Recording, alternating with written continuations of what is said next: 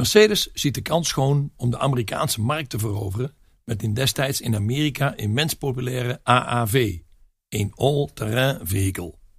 Tegenwoordig ook wel bekend als een SUV, Sports Utility Vehicle. In eerste instantie moet deze SUV de G-klasse vervangen, die dan al meer dan 10 jaar in productie is.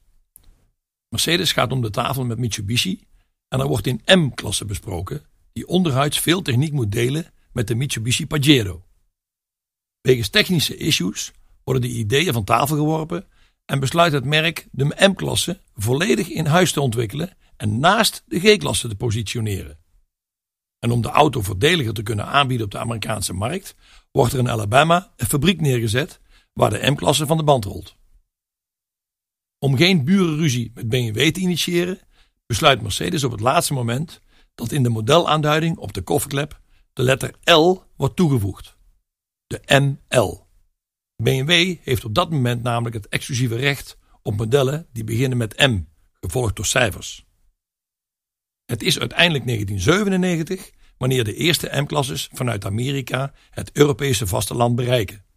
De M-klasse blijkt een trendsetter in het nog altijd populaire luxe SUV-segment. Modellen als de BMW X5, Porsche Cayenne en Audi Q7 traden pas later in het spoor dat door de M-klasse is uitgezet.